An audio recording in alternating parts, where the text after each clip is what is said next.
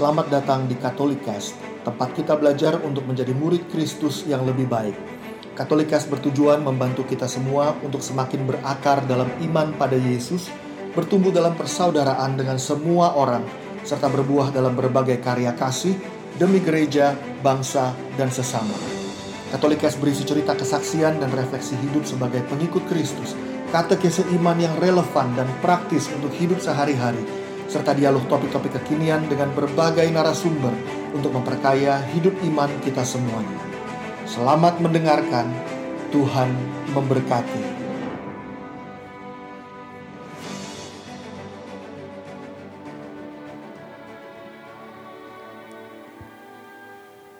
Kita jumpa lagi dalam refleksi bacaan hari Minggu. Kali ini kita akan sama-sama dengarkan dari bacaan hari Minggu 7 Februari 2021. Saya akan bacakan bacaan-bacaannya terlebih dahulu. Bacaan pertama diambil dari Ayub bab 7 ayat 1 sampai 4 dan 6 sampai 7. Di dalam keprihatinannya Ayub berbicara kepada sahabat-sahabatnya. Bukankah manusia harus bergumul di bumi dan hari-harinya seperti hari-hari orang upahan? Seperti kepada seorang budak yang merindukan naungan, seperti orang upahan yang menanti-nantikan upahnya. Demikianlah aku diberi bulan-bulan yang sia-sia dan kepadaku ditentukan malam-malam penuh kesusahan. Bila aku pergi tidur, maka yang kupikirkan, bilakah aku akan bangun? Tetapi malam merentang panjang dan aku dicekam oleh kegelisahan sampai dini hari. Hari-hariku berlalu lebih cepat daripada torak dan berakhir tanpa harapan. Ingatlah bahwa hidupku hanya hembusan nafas. Mataku tidak akan lagi melihat yang baik. Bacaan kedua diambil dari 1 Korintus bab 9 ayat 16 sampai 19 ayat 22 sampai 23. Saudara-saudara, Memberitakan Injil bukanlah suatu alasan bagiku untuk memegahkan diri, sebab itu adalah keharusan bagiku. Celakalah aku jika aku tidak memberitakan Injil. Andai kata aku melakukannya menurut kehendakku sendiri, memang aku berhak menerima upah. Tetapi karena aku melakukannya bukan menurut kehendakku sendiri, maka pemberitaan itu adalah tugas penyelenggaraan yang ditanggungkan kepadaku kalau demikian, apakah upahku?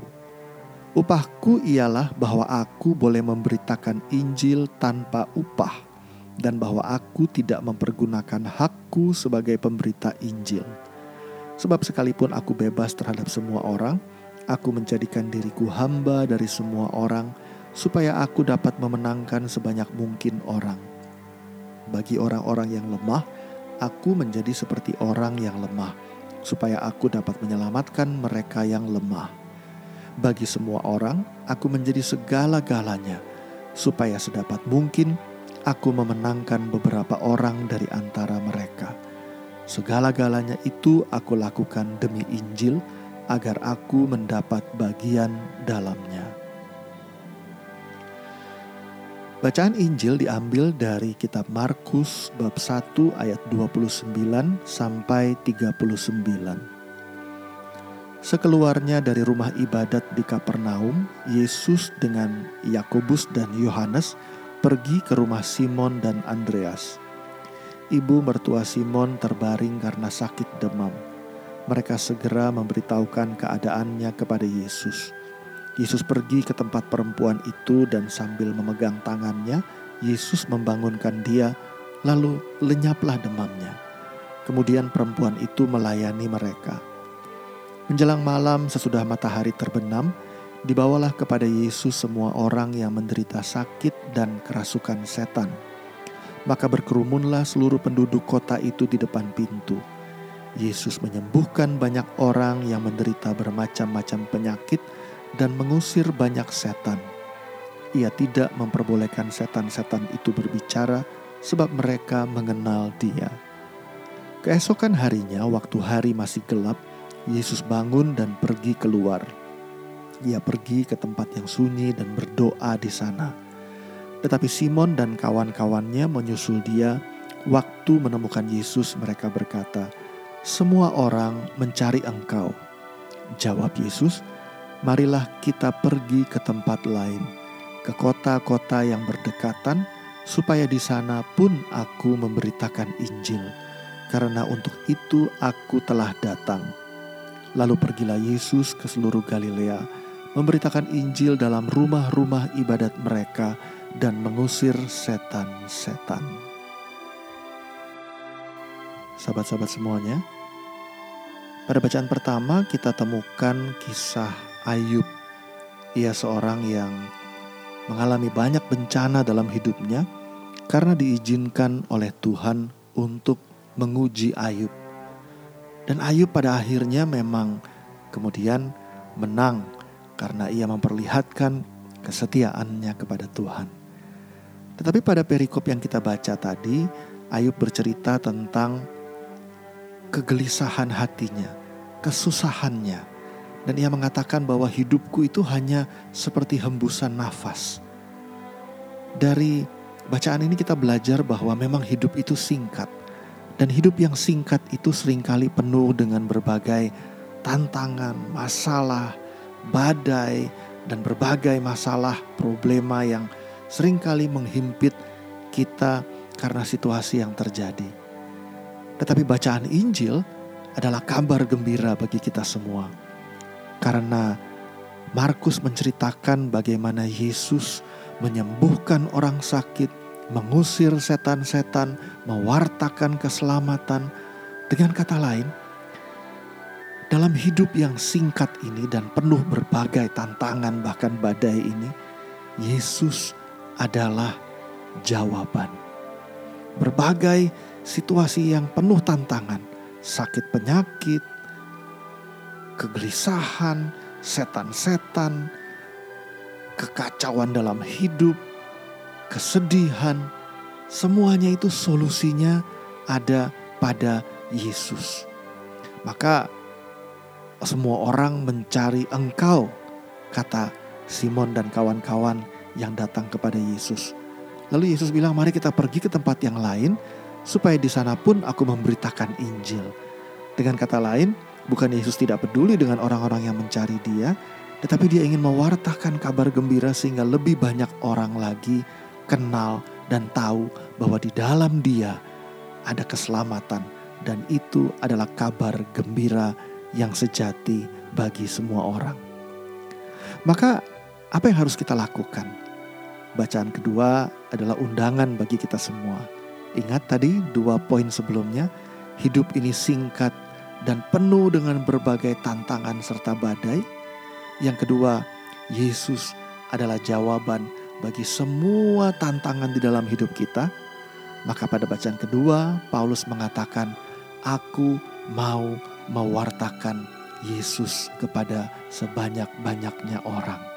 Sehingga keselamatan itu, kabar gembira itu juga bisa dinikmati oleh orang banyak. Bahkan Paulus bilang, "Aku menolak upah, tetapi upahku adalah boleh memberitakan Injil." Artinya mewartakan Injil aja udah membuat dia merasa bersuka cita. Teman-teman semuanya, sering kali dalam hidup kita kita kadang merasa hidup yang nggak berarti atau kurang bermakna. Makna itu ditemukan kalau kita memberikan diri kita demi kebaikan orang lain.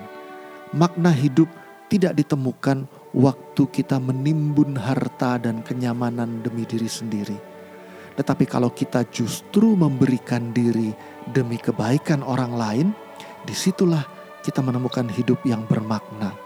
Maka Paulus memberikan hidupnya bagi orang banyak, mewartakan Yesus sehingga sebanyak-banyaknya orang bisa mengalami kabar gembira yang menyelamatkan mereka. Uh, Paus Benedictus dulu pernah berkata bahwa uh, dia bilang the greatest work of charity is evangelization. Karya terbesar, karya kasih yang terbesar adalah evangelisasi, mewartakan kabar gembira kepada orang banyak. Maka di hidup yang singkat ini, di hidup yang penuh tantangan ini, saya mau undang sahabat-sahabat semuanya. Jangan takut karena Yesus adalah satu-satunya jawaban, solusi, kabar gembira yang menyelamatkan buat kita. Di dalam segala perkara panggil nama Yesus. Mungkin hari ini kita nggak ngerti, tetapi waktu kita setia mengundang Yesus, dia akan menjadi jalan yang menyelamatkan. Tetapi pada saat yang bersamaan, mari kita juga mewartakan Yesus kepada sebanyak-banyaknya orang. Karena dengan mewartakan Yesus, hanya dengan mewartakan kabar gembira, memberikan diri demi kebaikan orang lain, itulah kita mendapatkan hidup yang paling bermakna, paling berarti. Sehingga seluruh hidup ini menjadi penuh sukacita karena hidup kita melekat pada Yesus dan hari-hari dalam hidup kita kita mewartakan Yesus. Dengan demikian, seperti Paulus, kita melakukan segala sesuatu di dalam hidup ini demi Injil, maka kita juga mendapat bagian di dalam kabar gembira itu, yaitu keselamatan dan hidup yang kekal bersama dengan Yesus.